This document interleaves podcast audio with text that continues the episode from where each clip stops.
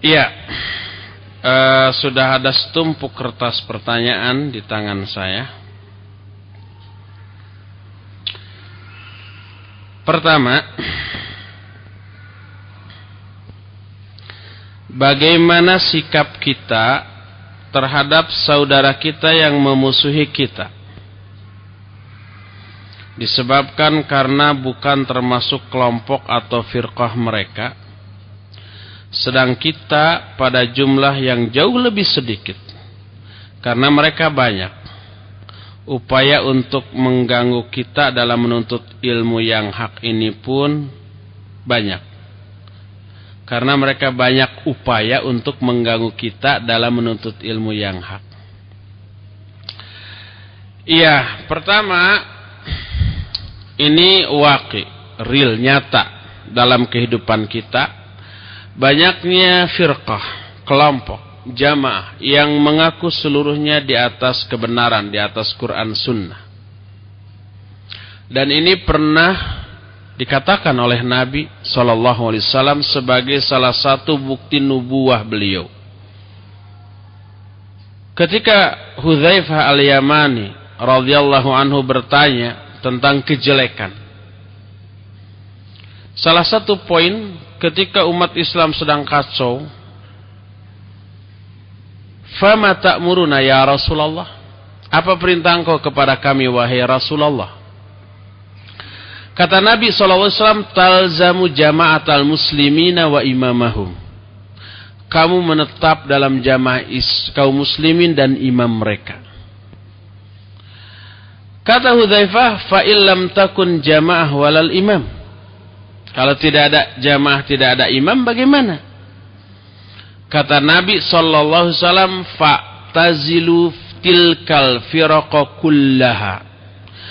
Jauhi oleh kalian semua firqah yang ada itu seluruhnya.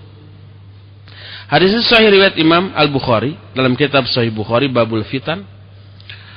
Lalu Al-Imam Ibnu Hajar Al-Asqalani dalam kitab Fathul Bari ketika mensyarah hadis ini menyatakan Hadis Hudzaifah ini menjelaskan ketika tidak ada jamaah kaum muslimin dan tidak ada imam, tidak ada tidak ada khalifah, tidak ada amirul mukminin, pasti akan bermunculan banyak firqah. Pasti itu. Advis nasihat dari Rasul sallallahu alaihi wasallam adalah menjauhi semua firqah yang ada. Bukan ikut salah satunya. Jadi kalau ada orang yang mengajak, ayo ikut kelompok saya. Kelompok saya lah jemaah berdasarkan Quran Sunnah. Kita jawab, kata Nabi SAW kita harus menjauhi semua firqah yang ada. Bukan ikut salah satunya. Terus bagaimana kalau mereka memusuhi kita karena kita nggak mau diajak? Pertama, sabar.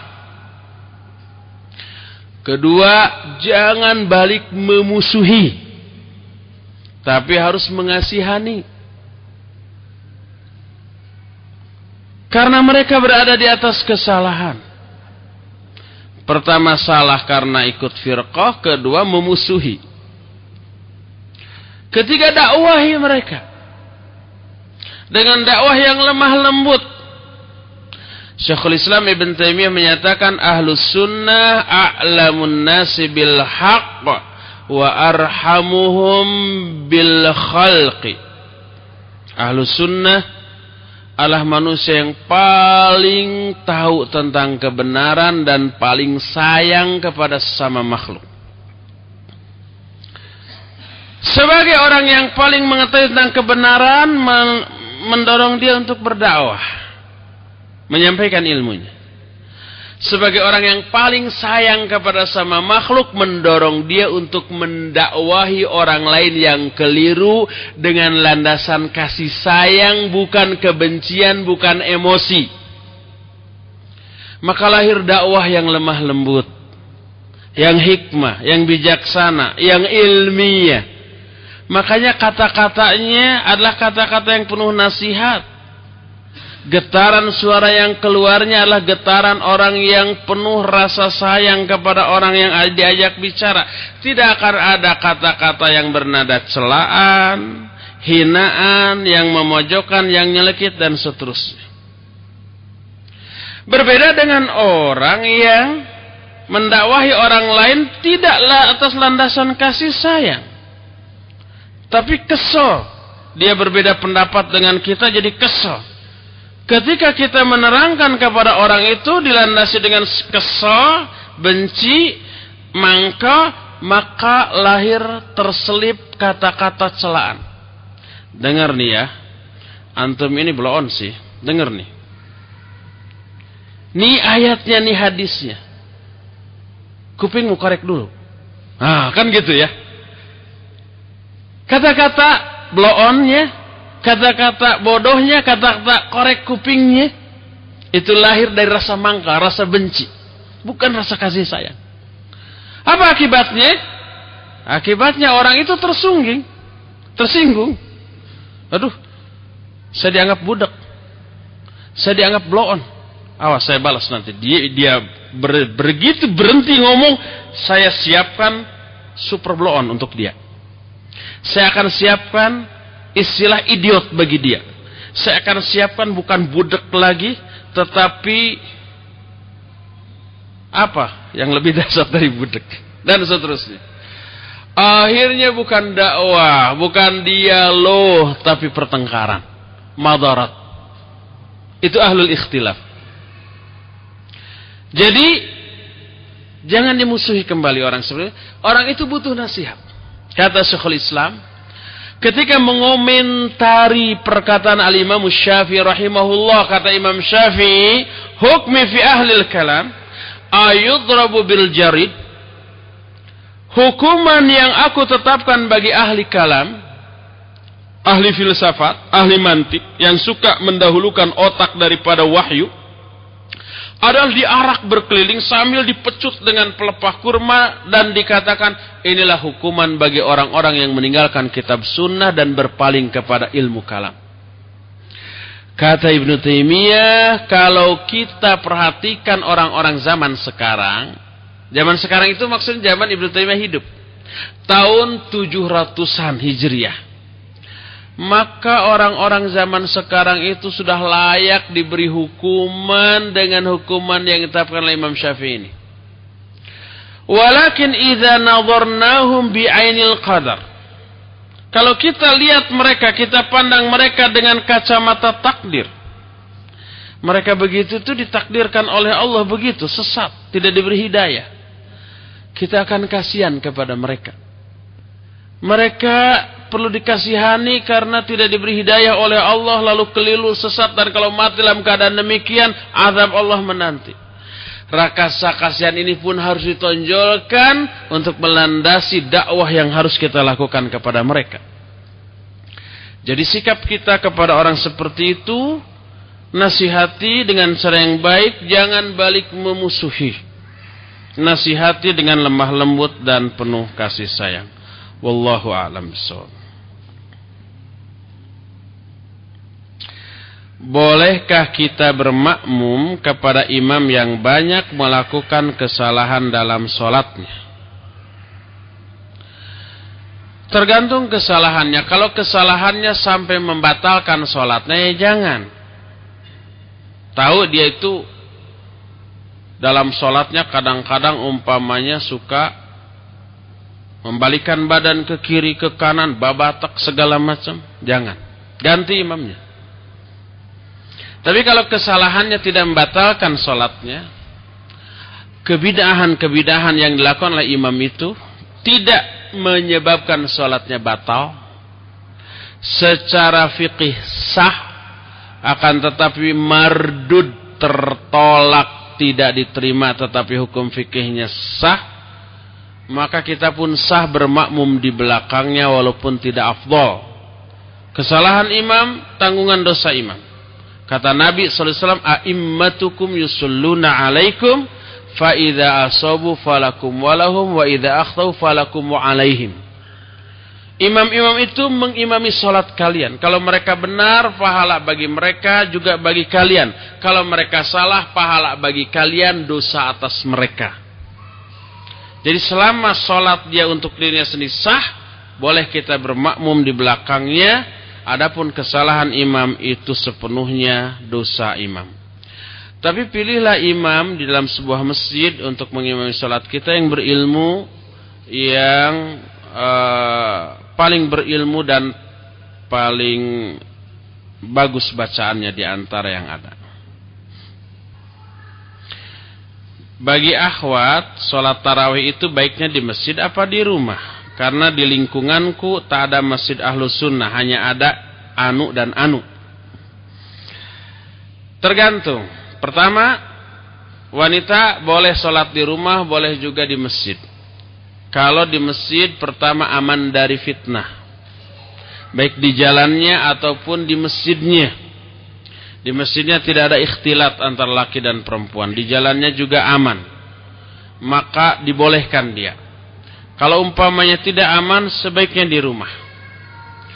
Itu bagi wanita.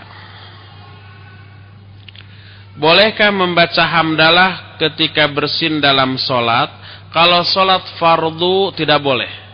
Adapun solat sunat, ikhtilaf ada yang bolehkan ada yang tidak dan yang lebih rojih adalah boleh dalam salat sunat. Jika keluar perkataan tidak sengaja seperti au, aduh dalam solat, apakah batal? Tidak kalau tidak sengaja. Umpah ada orang yang latah ya, lagi solat, ada anak di pinggir menjerit, dia ikut menjerit. Itu tidak disengaja, itu tidak batal. Yang batal lah yang sengaja berbicara. Untuk masalah sholat tasbih atau ikhtilaf bainal ulama yang sampai saat ini belum ada yang ditetapkan mana yang rojih. Bagaimana sikap kita? Sikap kita pelajari dalil kedua-duanya. Pelajari mustalahul hadis. Nanti kita bisa menimbang apakah hadis itu sahih atau tidak. Itu yang terbaik. Bagaimana kalau ada ikhtilaf di antara dua ustadz? Hingga hubungan pribadi kedua ustadz itu kurang baik. Boleh nggak kita ngaji kepada kedua ustadz tersebut? Pertama, ada kalanya hubungan dua ustadz bukan karena kesalahan dua-duanya. Bisa karena kesalahan dua-duanya, bisa karena kesalahan salah satunya. Yang satu umpamanya dicerca oleh yang lain. Yang lain yang dicerca tidak menjal, tidak membalas. Dia tahu tidak boleh membalas. Biarkan aja. Tapi kalau tidak dibalas itu dia merasa tambah-tambah wah saya menang. Terus dicerca dan tidak mau akur. Yang kedua ini yang dicerca mau akur tapi dianya nggak mau. Akhirnya dianggap kedua-duanya hubungannya kurang bagus. Padahal penyebab utamanya hanya salah satu ustadz di antara dua ini. Kalau itu yang terjadi ya jelas. Si ustadz yang mencela ini yang apa namanya keliru, yang perlu dinasihati. Adapun ustadz yang dicelanya dia korban, bukan pelaku. Kedua, kalau dua ustadz tersebut berselisih karena perbedaan akidah atau manhaj ini jelas syar'i. Cuma ini pun tidak saklek. Umpamanya seorang ustadz menyimpang akidahnya atau manhajnya. Yang keduanya lurus. Yang keduanya ini kemudian yang lurus ini menasihati, menasihati, mendakwahi terus. Tapi ngeyel, tetap nggak mau dinasihati, nggak mau diluruskan. Akhirnya ustadz yang lurus ini menghajar, memusuhi, karena menerapkan syariat tentang hajar kepada orang itu dan dia memandang hajarnya maslahat. Bisa membuat dia ini tobat atau rujuk. Maka ustadz yang kedua ini benar.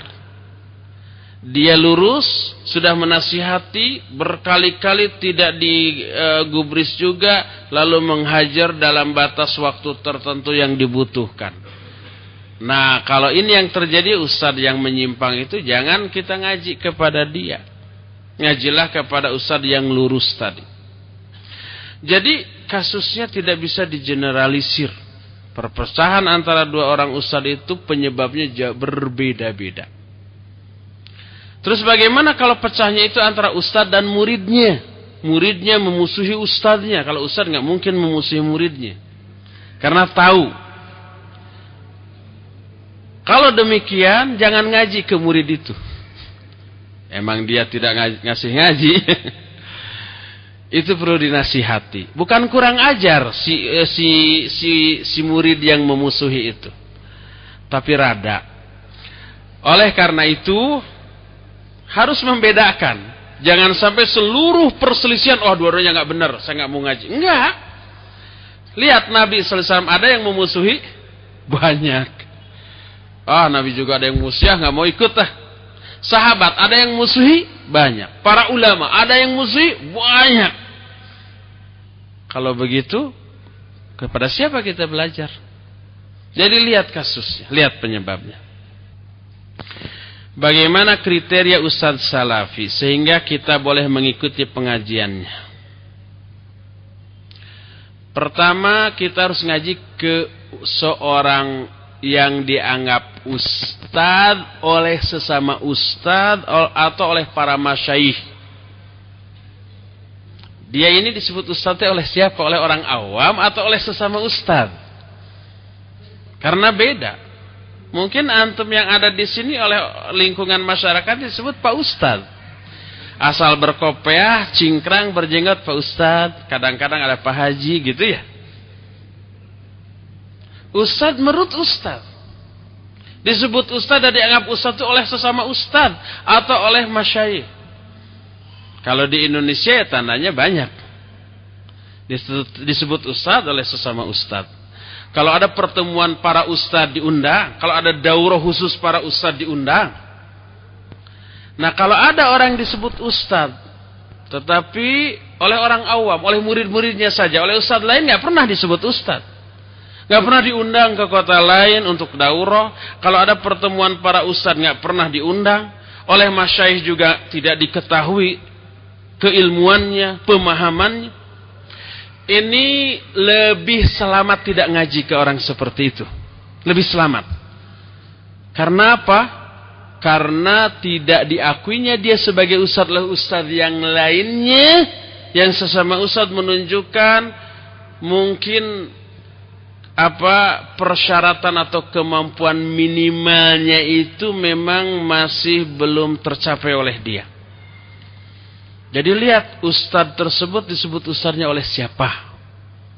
Kalau ada pertemuan para ustadz suka nggak di, di, diundang. Kalau ada daurah para ustadz suka nggak diundang, diakui. Nah seperti itu. Lihat. Bolehkah ngaji pada ustadz yang baru dua atau tiga tahun saja mengenal manhaj salaf sudah uh, setelah sebelumnya dia seorang hizbiyun? Ya tergantung tadi ya, tergantung. Dia ngajinya ke siapa? Apakah dia itu belajar sendiri? Hanya karena bisa baca kitab, bisa menguasai bahasa Arab, kemudian dia belajar sendiri, baca sendiri, ngajar aja. Itu berbahaya itu. Itu berbahaya. Jadi kalau di orang umum, di orang umum, di kelompok-kelompok yang lain umpamanya, untuk menjadi ustadz itu tidak tidak perlu bisa bahasa Arab. Asal bisa berdalil, pinter ngomong itu bisa jadi ustadz. Tapi kalau di kalangan ahlus sunnah, tidak seluruh yang pandai bahasa Arab bisa jadi ustadz. Iwan-iwan kita lulusan Libya atau lulusan mana banyak yang pandai bahasa Arab, baca kitabnya, kemudian muhaddatsahnya bagus, pintar.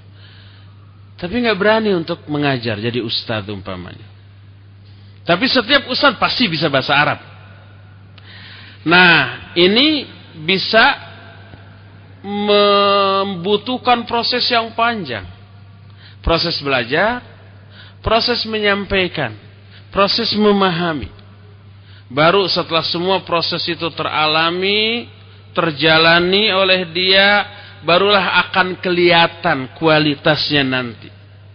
Kualitas ketika berdakwah itu tidak hanya dilihat dari keilmuan saja, ilmunya mungkin banyak, tapi cara menyampaikannya kurang. Atau cara menyampaikannya bagus runut, tetapi umpamanya e, caranya, cara menyampaikannya kasar umpamanya atau penuh emosi atau sambil membentak-bentak sehingga mustami itu rasanya dimarahi terus gitu. Sehingga dampaknya orang-orang kabur. Ini bisa mencoreng citra dakwah. Wallahu a'lam. Imam rawatib masjid dekat, dekat rumah saya setiap sholat subuh, tiap hari selalu membaca ad-duha dan alam nasroh. Sholat maghrib, al-kafirun dan izaza. Oh bukan izaza, izaja anasrullah, an-nasr. Setiap hari. Kecuali kalau imam tidak hadir maka akan saya tanyakan. Kenapa imamnya hanya membaca itu-itu aja suratnya. Apakah ada dalilnya? Mungkin karena yang dia hafal itu. Ingin sih baca surat yang panjang-panjang. Tapi karena nggak hafal, hafalnya itu ya itu aja terus. Bagaimana tinjauan Islam terhadap kegiatan pelatihan ISQ, emotional, spiritual dan Christian. Di dalamnya itu ada musik. Ada conditioning pengkondisian sehingga nangis. Ada kadang pemutaran film. Ini juga konon, saya nggak nggak pernah ikut. Selain mahal bayarnya, walaupun dibayar juga nggak akan mau. Tapi orang yang pernah ikut begitu menceritakan. Hasilnya bagus. Yang tadinya preman jadi santri. Yang tadinya lalai sholat jadi rajin sholat yang tadinya buruk jadi bagus. Tapi ingat al-ghayah la tubarrirul wasilah. Tujuan tidak menghalalkan segala cara. Tujuan bagus caranya harus bagus. Tujuan benar caranya juga harus benar. Jadi yang dinilai oleh Allah adalah cara. Ada orang Islam yang menikahkan anaknya yang sudah murtad. Bagaimana hukumnya sah atau tidak pernikahannya? Kalau anaknya ini wanita, bapaknya tidak tidak boleh mewalikannya. Dia harus berupaya mendakwahi agar masuk Islam. Seperti itu. Bagaimana seharusnya sikap kita dalam hal politik atau partai? Bolehkah kita berpolitik atau berpartai? Berpolitik itu harus. Kalau makna politiknya kembali kepada makna asal dari politik itu. Politik itu kan cara yang dilakukan oleh seorang untuk mencapai tujuan tertentu. Kita ingin meraih jambu atau mangga yang ada di atas pohon. Tapi tinggi gimana tuh? Ada banyak cara. Bisa dilempari, dengan resiko kena genteng orang. Bisa manjat dengan resiko banyak ulat dan jatuh. Bisa di apa istilahnya kata orang Sunda diajul ku gantar. Diajul itu di pakai tongkat ada alatnya khusus kan? Cek begitu kan. Apa namanya itu? Di Sunda namanya diajul. Tulis, hafalkan. Diajul. Naik, melempar dan mengajul itu tadi itu adalah politik. Politik untuk memetik mangga. Secara bahasa begitu. Jadi berpolitik adalah melakukan upaya tertentu untuk mencapai tujuan yang diinginkan. Itu makna asal politik.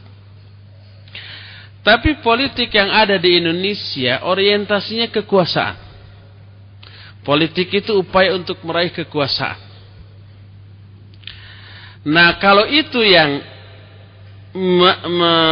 dimaksud dengan politik, jangan. Kita tidak membutuhkan kekuasaan. Adapun tujuan utama seorang muslim adalah menegakkan syariat Islam syara'a lakum minad din ma wasa bihi nuhan walladhi auhayna ilaika wa ma wasayna bihi uh, Ibrahim wa Musa wa Isa an aqimud din wa la tatafarraqu fih jadi tujuan utama adalah tegakkan agama ini dan jangan berpecah-pecah di dalamnya itu tujuan menegakkan syariat Islam. Itu tujuannya. Sedangkan untuk menegakkan syariat Islam perlu berpolitik. Cuma cara berpolitiknya harus sesuai dengan syariat. Bagaimana caranya sesuai dengan syariat? Lihat Rasul sallallahu alaihi wasallam. Pertama mendakwahkan dakwah tauhid, tauhid. 13 tahun di Mekah tauhid terus. Apakah tidak ada peluang saat itu untuk merebut kekuasaan selain dengan cara dakwah? Banyak. Sampai orang Arab jahiliyah menawarkan kalau kamu mau menjadi raja, kami angkat kau jadi raja. Kalau kamu mau uang, kami kumpulkan uang, kami berikan. Kalau kamu mau perempuan tercantik, kami kumpulkan wanita tercantik, diberikan kepadamu. Tapi ditolak semuanya oleh Nabi Shallallahu Alaihi Wasallam. Dakwah-dakwah terus dengan resiko, wah dilempari, dimusuhi, diboikot, bahkan mau dibunuh. Oleh karena itulah maka Cara berpolitik kita adalah dengan dakwah. Dakwah, dakwah, dakwah. Ini murni. Murni tidak dipengaruhi oleh sistem. Tapi kalau kita berpartai, wah harus larut dulu ke dalam partai. Apa yang tadinya kita yakini sebagai bagian dari ajaran Islam, begitu masuk partai, masuk parlemen, lepas semuanya itu. Betapa banyaknya orang yang tadinya amat fanatik dan keras terhadap bid'ahnya muludan, bid'ahnya rajaban, bid'ahnya uh, nuzulul Quran, bid'ahnya tahun baruan Islam, peringatan itu bid'ah. Setelah masuk partai itu dijadikan sebagai momen untuk kepentingan politik. Menghimpun orang pada momen-momen itu. Itu sudah lepas. Sebelum masuk partai, sholat berjamaahnya selalu terpelihara. Dengan wanita jangankan bersalaman, menatap saja enggak, tunduk. Jangankan pagiling gisi. Bercampur aduk, enggak. Setelah masuk partai, kemudian masuk ke dalam caleg, kemudian kampanye ke kampung-kampung, dipeluk oleh ibu-ibu, disalamin. Oh, happy aja. Islam yang sudah ada dalam diri sendiri juga lepas. Dan seterusnya dan seterusnya. Jadi yang tadinya punya moto menjadikan partai politik sebagai alat untuk memperjuangkan Islam setelah partai itu terbentuk lalu enak jadi caleg jadi pejabat berubah menjadikan Islam sebagai alat untuk meraih kepentingan politik itu yang banyak terjadi Islam yang sudah ada banyak lepas gitu bukannya apa namanya memperkuat keislamannya bahkan tambah lepas.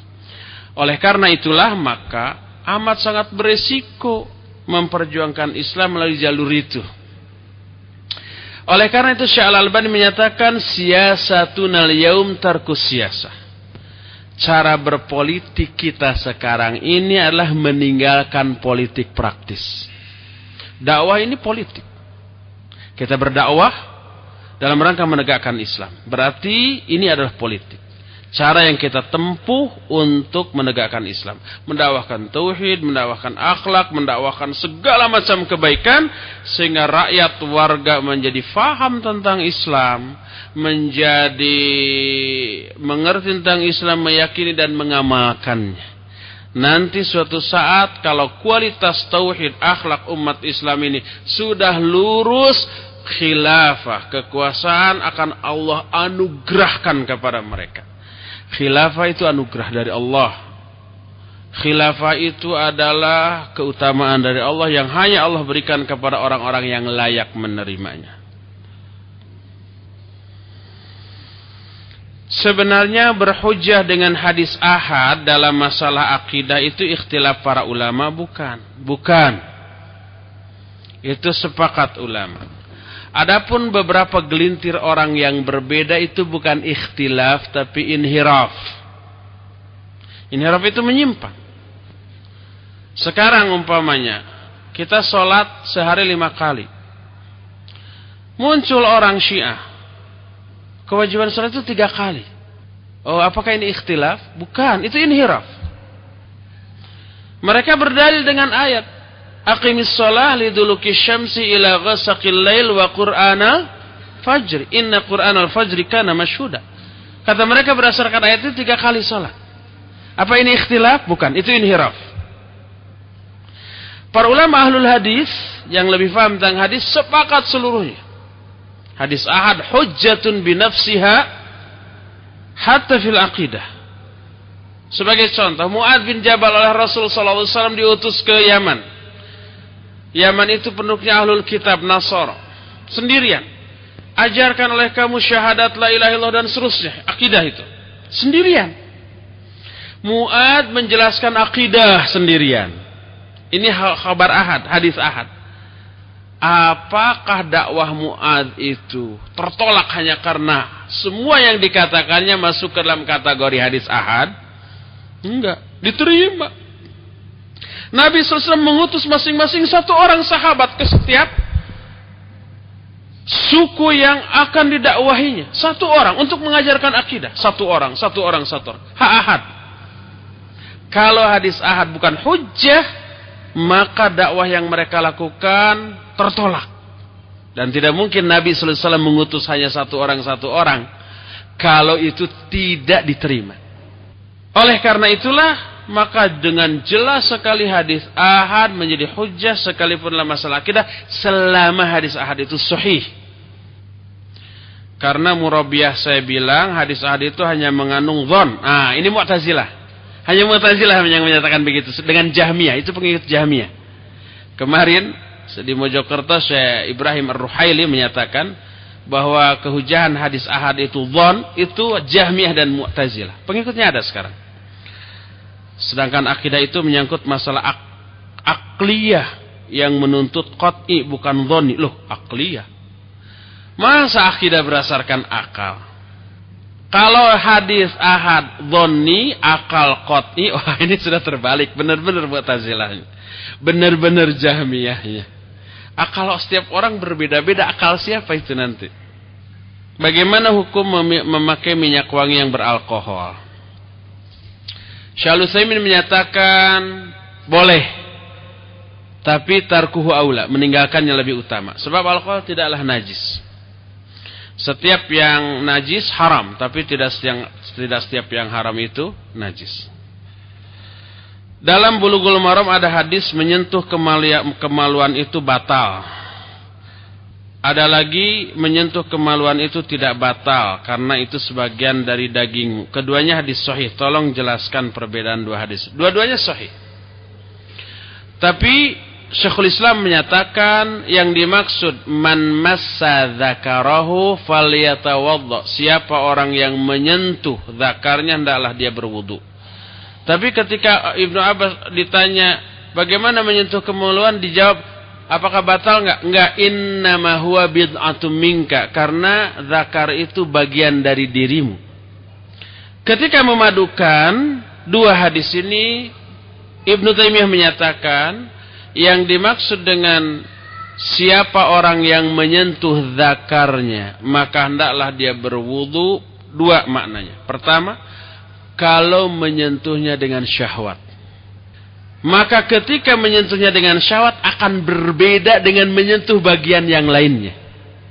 Tidak ada untuk mengelus-ngelus tangan dengan syahwat. Tidak ada mengelus-ngelus telinga dengan syahwat.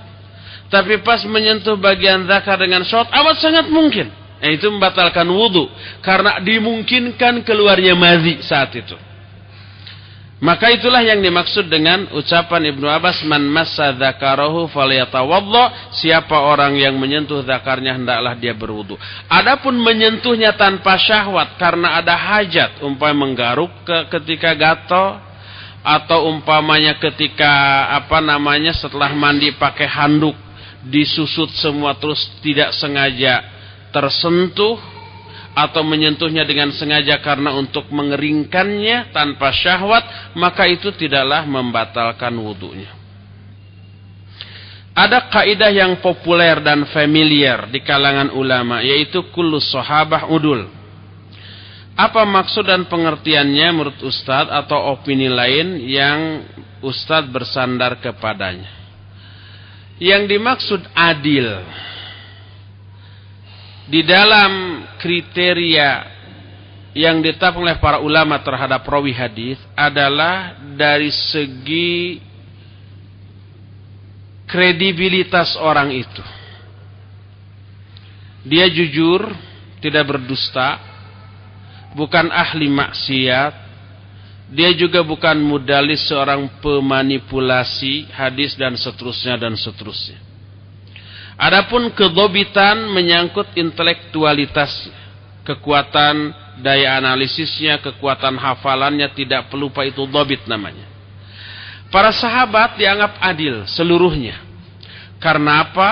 Karena para sahabat tidak berdusta. Para sahabat bukanlah orang-orang yang fasik. Para sahabat orang-orang yang dipuji secara uh, nas oleh Al-Quran dan hadis-hadis yang sahih. Makanya dikatakan oleh para ulama as-sahabatu kulluhum udul. Sahabat itu semuanya adil. Apakah kaidah di atas menunjukkan pada kesamaan martabat di kalangan sahabat dari segi adalah dan dobitnya? Dobitnya tadi tidak. Tapi keadilannya bertingkat-tingkat, tetapi seluruhnya memasuk, masuk ke dalam kategori adil dalam kriteria yang ditetapkan oleh para ulama. Tidak ada terketahui para sahabat berdusta apalagi dalam meriwayatkan hadis. Bagaimana apa ini? Ikhtilaf dalam solat mengenai satu bersedekap di dada setelah ruku. Dua duduk tawaruk atau iftiras di rakaat kedua. Tiga menekan atau mengepalkan tangan ketika bangkit dari sujud. Ini sudah menyangkut fikihnya ya. Tentang sedekap setelah ruku. Orang-orang yang irsal, irsal itu tidak sedekap, berpegang pada hadis umum. Thumma qala sami Allahu liman hamidah wa rafa'a yadayhi wa'tadala hatta yarji'a kullu admin fi mawdhihi mu'tadilan. Kemudian Rasul mengucapkan sami Allahu liman hamidah dan beriktidal sambil mengangkat kedua tangan wa'tadala dan beriktidal. Iktidal itu artinya meluruskan. Sehingga kembalilah seluruh tulang-tulang itu pada sendinya masing-masing dengan lurus. Kata mereka kalau dengan lurus tangan juga harus ke bawah. Kalau sedekap bengkok. Itulah dalilnya. Adapun dalil yang dipegang oleh orang yang sedekap ada dalil umum, ada dalil khusus. Dalil umumnya adalah kanan nasu yu'marun yu'maruna ayyadhu ar-rajulu yadahul yumna ala diraihi fi shalah.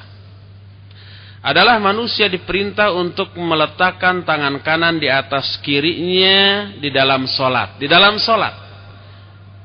Tidak dirinci di sholat itu ketika berdiri, duduk, atau gimana nggak ada. Umum ini.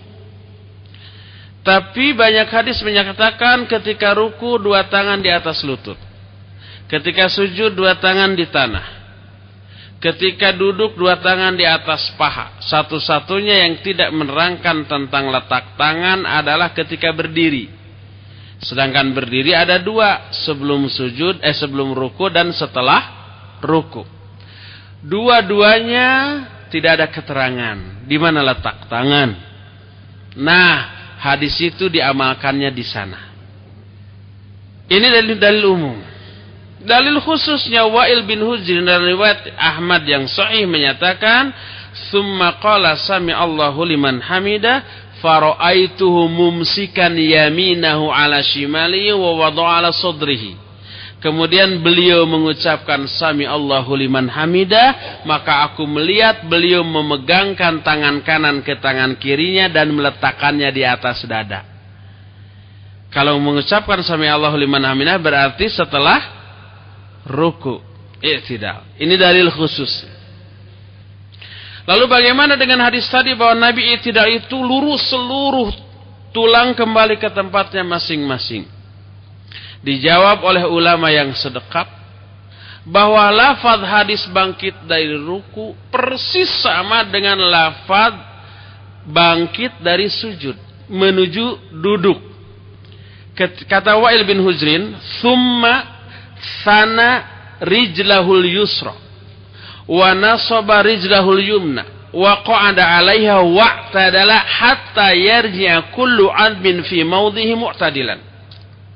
Kemudian beliau ketika sujud menghamparkan kakinya yang kiri. Menegakkan tang kakinya yang kanan kemudian duduk di atas hamparannya yang kiri dan beriktidal meluruskan sampai seluruh tulang kembali ke tempatnya masing-masing dengan lurus. Kita lihat ketika duduk. Seluruh tulang ke tempatnya masing-masing dengan lurus. Apakah tangan ke bawah? Tidak. Tangan ternyata di atas kedua paha. Ada hadis lain karena Rasulullah yadaihi ala fakhidaihi beliau meletakkan kedua tangan di atas kedua paha ketika duduk. Tapi kan harus lurus semua anggota semua tulang yang dimaksud lurus itu hanya tulang punggung sebab iktidal hanya tulang punggung. Iktidal ketika ruku, ketika sujud, ketika berdiri, setelah ruku atau setelah sujud, semua iktidal. Kata Nabi, "I'tadilu fir ruku'i was sujud." Iktidallah kamu ketika ruku dan sujud. Itidal ketika ruku meluruskan tulang punggung. Itidal ketika sujud juga begitu. Tangan tidak lurus ketika sujud. Kalau ketika sujud tangan lurus bukan sujud tapi tiarap. Oleh karena itu i'tidal ketika ruku sujud adalah meluruskan tulang punggung. Demikian juga i'tidal ketika bangkit dari ruku dan bangkit dari sujud hanya meluruskan tulang punggung, tidak menerangkan tentang letak tangan. Ketika ruku letak tangan di atas lutut, ketika sujud letak tangan bengkok dan uh, di atas tanah. Jadi tidak menjelaskan letak tangan dalam masalah i'tidal. Nah itulah ikhtilaf yang terjadi di kalangan para ulama tentang masalah sedekap ketika iktidal. Apabila setelah berhubungan habis itu mandi tapi terkadang keluar lagi cairan apakah itu wajib mandi lagi? Tidak. Itu tidak wajib mandi tapi wajib wudhu. Kalau sudah beres berhubungan lalu mandi. Setelah beres mandi dihanduk, eh keluar lagi, baik laki-laki ataupun perempuan. Maka itu cukup dibasuh dan berwudu tanpa harus mandi. Jika kebenaran itu cuma satu, maka bagaimana kita dapat mengetahui mana yang benar dan salah dan bagaimana kita mengamalkan kebenaran itu? Tergantung kebenaran dalam hal apa ada yang memang satu, ada yang beberapa seluruhnya benar. Contoh, doa iftitah ada yang Allahumma ba'in baini wa baina ya, ada yang inni wajjahtu wajhiya, ada yang subhanakallahumma dan seterusnya. Beda-beda. Itu sebenarnya benar. Semuanya boleh diamalkan. Selama landasan hadisnya sahih. Demikian juga dalam hal lain ada beberapa gerakan yang dibolehkan. Karena ada hadisnya tentang hal itu seperti mengangkat tangan dalam sholat. Ada yang sebahu ada yang setelinga. Imam An-Nawawi boleh juga antara kedua-duanya antara telinga dan bahu. Semuanya itu berdasarkan hadis yang sahih. Itu benar tidak hanya satu. Selama itu benar mau satu mau dua mau tiga mau sepuluh boleh semua semuanya diamalkan Nah untuk mengetahui benar atau tidaknya hal itu lihat landasannya, hadisnya, sahih atau tidak. Itulah yang harus kita lakukan. Pertanyaannya banyaknya menjurus ke fikih ya. Apa yang dimaksud dengan talak satu, dua, dan tiga seperti apa dalam prakteknya dan apa itu masa idah? Talak satu, dua, dan tiga. Kalau umpamanya seorang suami mentalak istrinya pada pertama kali, terus jatuh talak dalam keadaan sadar, berarti itu talak satu. Setelah ditalak, si istri itu harus tetap berada di dalam rumah suaminya, tidak boleh keluar dan tidak boleh diusir. Sampai masa idah, masa idah itu masa menunggu untuk menikah lagi dengan laki-laki lain. Itu empat bulan sepuluh hari yang tadi disebutkan. Selama masa idah harus tetap bersama-sama dengan suami. Berdasarkan surah At-Talaq. La tukhrijuhunna wa la yakhrujna illa ayyatina bifahishati mubayyinah. At-Talaq ayat yang pertama. Janganlah kamu keluarkan mereka. Wanita yang sudah ditolak. Dan jangan pula mereka keluar kecuali kalau mereka melakukan kekejian yang nyata. Wahsul iddah dan tetapkanlah masa iddah mereka. Hitung. Itu talak satu dan setelah talak satu selama masa iddah harus tetap berada di rumah suaminya. Kalau pada waktu masa iddah ternyata suami istri ini akur lagi, terus berhubungan lagi. Berarti itu otomatis rujuk tanpa harus akad lagi. Tanpa ada wali saksi lagi. Prung we. Sudah rujuk. Jadi suami istri lagi. Bertengkar lagi nanti selama 4 bulan 5 bulan bertengkar. Talak lagi suaminya. Berarti ini talak yang kedua. Setelah talak kedua turun, istri itu harus tetap berada di rumah suaminya sampai masa idah habis. Kalau masa idah belum habis ternyata akur lagi, berhubungan lagi, berarti rujuk lagi. Sudah, jadi suami istri lagi tanpa harus akad lagi, tanpa harus ada wali, saksi dan seterusnya. Bertengkar lagi. Talak lagi, talak yang keberapa? Tiga. Nah setelah talak tiga tidak lagi masa idah. Keluar. Dan tidak bisa rujuk lagi. Kecuali kalau istrinya menikah lagi dengan laki-laki lain lalu ditalak oleh laki-laki itu baru boleh rujuk lagi. Itu maksudnya. Itulah yang dimaksud dengan talak satu, dua, dan tiga. Nah sekarang kalau sudah masa idah hilang, habis. Talak satu, selama masa idah terus dua-duanya bermusuhan walaupun serumah. Setelah masa idah habis tidak rujuk-rujuk juga. Si wanita ini keluar, sudah. Nanti ternyata mau rujuk lagi, mau balik lagi itu bukan rujuk, nikah lagi seperti sedia, seperti biasa. Nikah lagi awal lagi, ada saksi lagi, ada wali lagi, ada mahar lagi.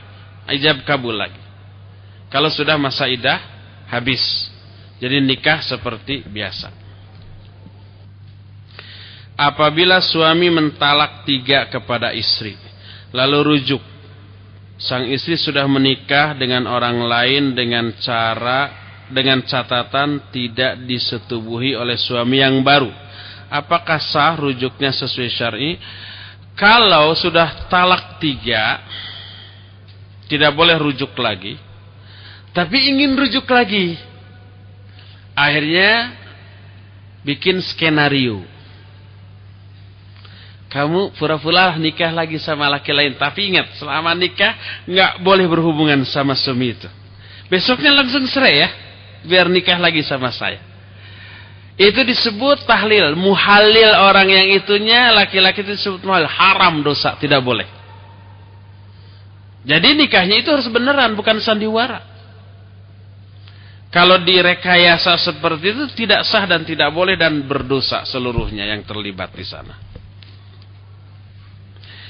Kalau ada ulama yang salah dalam istihad sebagaimana yang sudah dijelaskan, apakah hal ini bisa dijadikan dalil kalau ada ulama-ulama yang lain seperti fulan-fulan-fulan? Mohon dijelaskan. Kalau kita tahu bahwa istihad ulama itu salah, nggak boleh kita ikuti istihad yang salah itu. Kalau tahu itu salah, pasti kita tahu yang benarnya. Nah, yang benarnya ini yang diikuti. Contoh yang nyata umpah kunut subuhnya Imam Syafi'i. Kita tahu, ya jangan diikuti. Tapi jangan mencela beliau, Imam Syafi'i. Bagaimana membedakan hadis dhaif dan dhaif jiddan? No, itu harus menguasai mustalahul hadis. Belajar mustalahul hadis, dulu kita ada PE ya, pesantren ekonomi apa? Pesantren eksekutif. Ada pelajaran mustalahul hadis. Nah, dengan mempelajari itu kita tahu mana yang dhaif, mana yang dhaif jiddan. Bagaimana kita menyikapi negara kita yang tidak berdasarkan syariat Islam yang disunahkan Rasul, yakni hijrah dari Mekah atau kemungkaran ke Madinah atau ke kebenaran. Dan dengan jihad yang bagaimana agar kita tergolong menjadi umat Nabi Muhammad SAW. Benarkah negara kita ini tidak berdasarkan syariat Islam secara total? Tidak. Sebagian berdasarkan syariat Islam, sebagian yang lain ada yang menyimpang. Apakah dengan hal itu berarti negara Indonesia negara kafir? Para ulama telah menjelaskan kriteria negara Islam dan negara kafir. Kalau, kalau di suatu negara pimpinannya apa pun bentuk kepemimpinan mau raja, mau presiden, mau kaisar, mau apa pun adalah muslim. Para pembantunya baik menteri ataupun apa juga muslim mayoritas. Terus pemerintah ini mengatur syariat Islam yang menjadi kewajiban pemerintah seperti penetapan satu Ramadan, satu Syawal, mengatur ibadah haji, kemudian mengumandangkan azan, sholat, dan seterusnya, dan tidak melarang, maka itu adalah pemerintah Muslim. Walaupun dalam banyak kasus lain tidak menjalankan syariat Islam. Ada pencuri digebukin di penjara tidak dipotong. Ada pezina bebas asal suka sama suka dan bayar pajak. Tidak dirajam. Ada umpamanya pemabuk tidak dijilid, tidak dipecut. Ada ini banyak syariat Islam yang tidak dilaksanakan maka penyimpangan pemerintah itu di dalam banyak poin tidak mengeluarkan status keislaman dari pemerintah itu.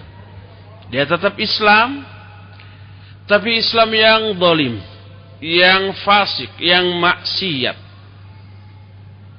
Sama dengan memfonis status seorang muslim, dirinya muslim, suka sholat, suka saum, tapi kadang sholat ditinggalkan, saum ditinggalkan karena hawa nafsu.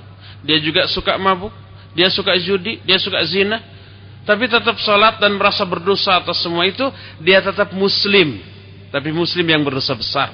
Tidak mengeluarkan dia dari zona keislaman dia. Dan kita wajib memperlakukan dia sebagai seorang muslim. Kalau salam dijawab, kalau dia jadi imam kita sah jadi makmum di belakangnya. Kalau dia meninggal kita tetap mandikan, solatkan, doakan dan dimakamkan di pekuburan kaum muslimin. Itu untuk person pribadi. Demikian juga untuk sebuah sistem negara.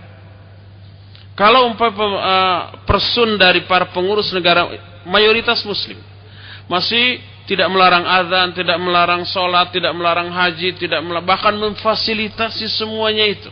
Mereka muslim. Tapi dalam hal lain mereka banyak melakukan penyimpangan. Penyimpangan mereka tidak mengeluarkan mereka dari keislaman mereka. Mereka tetap muslim, tapi muslim yang fasik, yang zalim, yang ahli maksiat. Kepada pemerintah seperti itu, kita tetap wajib taat dalam hal yang benarnya Adapun dalam hal yang batilnya la ta'ata li makhluqin fi maksiatil khaliq. Nah, yang seperti itu tidak boleh kita keluar jihad berontak.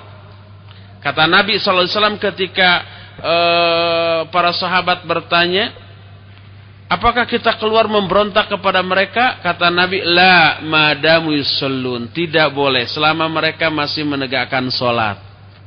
Masih sholat, nggak boleh diberontak. Kecuali kalau umpamanya sudah terang-terangan, ini seluruh atribut aksesoris Islam nggak boleh ada di negara ini. Nggak boleh ada azan, nggak boleh ada sholat, nggak boleh ada yang berkerudung, nggak boleh ada ngaji. Nah, ini baru kafir ini. Ini baru kafir.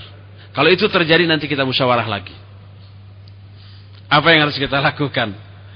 Tapi kan sekarang tidak begitu. Ini pemerintahan muslim. Tapi muslim yang zalim, yang maksiat. Wallahu Apakah perang yang terjadi di antara sahabat merupakan ikhtilaf yang menimbulkan rahmat? Iya, tidak diragukan lagi. Di sinilah kita melihat kehebatan para sahabat, komitmen yang kuat dari mereka terhadap ilmu. Baik pihak Ali maupun Muawiyah, dua-duanya sahabat yang mulia, dua-duanya ulama, dua-duanya mujtahid. Ini pertama. Dua-duanya berhak istihad. Dua-duanya berpegang kepada dalil yang diyakini bersama. Cuma kesimpulan dari istihadnya yang berbeda. Tapi istihad dua-duanya itu menghasilkan dua-duanya menyatakan harus diperangi lawannya itu. Ali menyatakan Muawiyah ini bugot harus diperangi. Muawiyah menyatakan juga oh Ali ini harus diperangi karena tidak menuntut tertumpahnya darah Utsman radhiyallahu an harus diperangi. Dua-duanya berdasarkan istihad. Siapa yang salah dalam kedua hal ini dia berpahala satu dan siapa yang benar berpahala dua dan tidak ada yang berdosa. Ini menunjukkan dua-duanya amat komit terhadap dalil. Kalaulah tidak komit kepada dalil, mungkin salah satu atau dua-duanya mengalah tidak akan perang. Tapi karena dua-duanya komitmennya kepada dalil apa pun resikonya, dua-duanya siap perang. Ini rahmat yang besar bagi kaum muslimin. Sekaligus ujian terbesar bagi kaum muslimin. Dalam menanggapi hal ini, kalau kita keliru menanggapinya, kita terjerumus ke dalam dosa, bisa mencela salah satunya atau dua-duanya. Tapi kalau berdasarkan ilmu seperti yang dikatakan oleh para ulama, walladzi eh, fima syajara bainahum tawaqqafna. Adapun apa yang terjadi antara mereka kami tawakuf. Tapi dua-duanya mujtahid. Dua-duanya ulama, cuma istihadnya berbeda dan konsekuensi dari istihadnya itu karena menyangkut masalah siasa harus berperang, maka dilaksanakan juga perang itu walaupun berat asal untuk menunjukkan komitmen mereka kepada dalil. Itulah yang dilakukan oleh para sahabat. Ya, semua pertanyaan sudah saya baca. Baca aja tapi jawabnya enggak. Waktunya sampai Eh, saat ini hampir habis dan saya masih punya satu tugas untuk memberikan kuis. Saya akan memberikan pertanyaan. Tadi saya ditanya. Sebagian sudah saya jawab. Sekarang balik saya yang bertanya. Bedanya kalau saya bertanya ada hadiah bagi yang menjawab. Kalau saya ditanya tadi sebanyak apa pun tidak ada hadiah. Kemarin pertanyaan ini didominasi oleh ikhwan. Sekarang khusus untuk akhwat. Ikhwan tidak. Nah sekarang eh, ahwat panitia tolong didata. Siapa ahwat yang ngacung? Lalu tunjuk. Dengar jawabannya. Kalau benar kasih hadiah. Kalau salah tidak. Pertanyaannya tentu saja diambil dari materi tadi dan mudah. Coba untuk menguji mental siapa yang mau menjawab ngacung dulu ahwat. Ahwat udah bubar atau masih ada tuh? Masih ya? Coba ahwat ngacung ngacung ngacung. Nanti ahwat panitia lihat siapa yang ngacung tunjuk salah satu. Kalau sudah nanti saya beri pertanyaan. Sudah? Cung cung cung. Anggap saja sudah ya. Tunjuk seorang tunjuk seorang uh, Ikhwan ada panitia ada yang dekat hijab awat tapi jangan noong agar ketahuan aja ada yang sudah ngacung Udah ada yang ngacung tunjuk seorang ya. Nih pertanyaannya. Mudah kok. Siapa dua orang sahabat yang diutus oleh Nabi sallallahu alaihi wasallam lalu dua-duanya di jalan mengalami junub yang satu berguling-guling di tanah lalu sholat yang satu lagi tidak sebutkan dua sahabat ini ayo sebut Semenit kemudian saya akan berikan jawabannya yang benar. Ayo yang ditunjuk tadi jawab kedengaran oleh panitia. Siapa? Setengah menit. Iya, sudah. Jawabannya Umar bin Khattab dan Ammar bin Yasir. Bener nggak? Kalau bener kasih hadiah. Ada nggak yang jawab? Anggap saja ada. Masa ahwat nggak pinter. Pertanyaan kedua, cung, ngacung lagi siapa? Ngacung ahwat. Sudah tunjuk seorang, tunjuk seorang oleh panitia. Iya, kalau sudah ditunjuk pertanyaan kedua. Pertanyaan kedua adalah sebutkan dua di antara sebab-sebab timbulnya ikhtilaf di kalangan para ulama. Tadi sudah saya beberkan enam ya, enam poin atau tujuh poin. Coba sebutkan dua saja di antaranya. Iya, kalau sudah kita sebut pertama ada yang belum sampai dalil kepada orang itu. Kedua sampai dalil tetapi dia tidak percaya kepada orang yang membawakan dalil itu. Ketiga, sudah sampai dalil tapi dia lupa kepada dalil tersebut. Keempat, sudah sampai dalil tapi dia memahaminya dengan pemahaman yang lain. Kelima, sudah sampai dalil tapi dalil itu sudah dimansuh dan seterusnya lah. Kalau benar, kasih. Sudah dua pertanyaan ya? Iya. Iya, kalau sudah e, terjawab semuanya, berikan hadiahnya. Kalau dua-duanya belum terjawab, terserahlah mau dibagikan. Hadiah itu mau diambil panitia, boleh juga. Ikhwati fillah, kayaknya sampai di sini kajian kita untuk siang hari ini. Mudah-mudahan Allah akan pertemukan kita kembali pada masa-masa yang akan datang untuk membahas poin-poin lain yang tidak kalah pentingnya. Subhanakallahum bihamdik syadu an la ilaha illa anta astaghfiruka wa atubu ilaik walhamdulillahi rabbil alamin. Assalamualaikum warahmatullahi wabarakatuh.